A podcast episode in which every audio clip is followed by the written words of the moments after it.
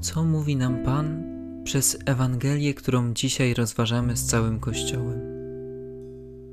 Co pokazują nie tylko słowa, ale i doświadczenie samego Chrystusa?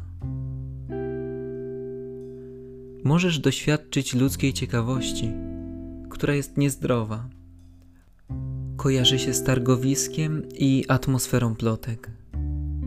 To obserwacja służąca zaspokojeniu czyichś niskich potrzeb to głoszenie opinii na Twój temat bez faktycznego poznania Ciebie.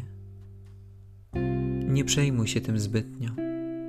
Sam Jezus spotkał się z ludzkim spojrzeniem, które zatrzymało się na etapie powierzchowności i nie miało nic z głębi. Nie zrażaj się. Wykorzystuj talenty, które w świetle wiary są Bożymi darami. Żadna subiektywna opinia nie ma mocy skrępować prawdy o tym, jak wiele Pan złożył w ręce każdej i każdego z nas. Trzeba tylko za to dziękować i w ten sposób odkrywać hojność Boga tak często lekceważoną. Możesz zderzyć się z obojętnością lub zazdrością, czy wrogością ze strony bliskich, członków rodziny, sąsiadów oraz tych, którzy zdawali się być przyjaciółmi czy dobrymi kolegami. To bardzo trudne, gdy właśnie oni zadają ból, czynią cię obcym, a może bardziej czynią takimi samych siebie. Gdy tego nie rozumiesz, nie bój się wejść w tę ciemną dolinę, ale trzymaj się Chrystusa.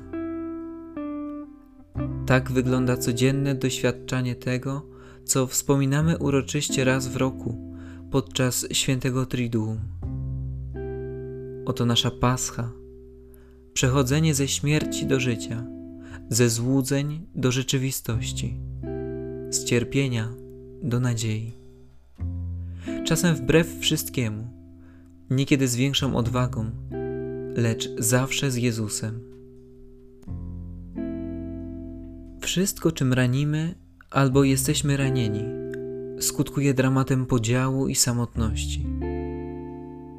Boj Żeleński, którego trudno zaliczyć do przyjaciół Kościoła, pozostawił jednak w pewnym utworze myśl dość uniwersalną.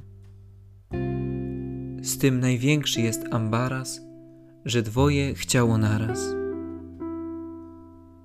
Bóg, który nas stworzył, respektuje naszą godność nie zmusza do wiary, bo ta, jak i każda łaska, musi spotkać się z wolnością.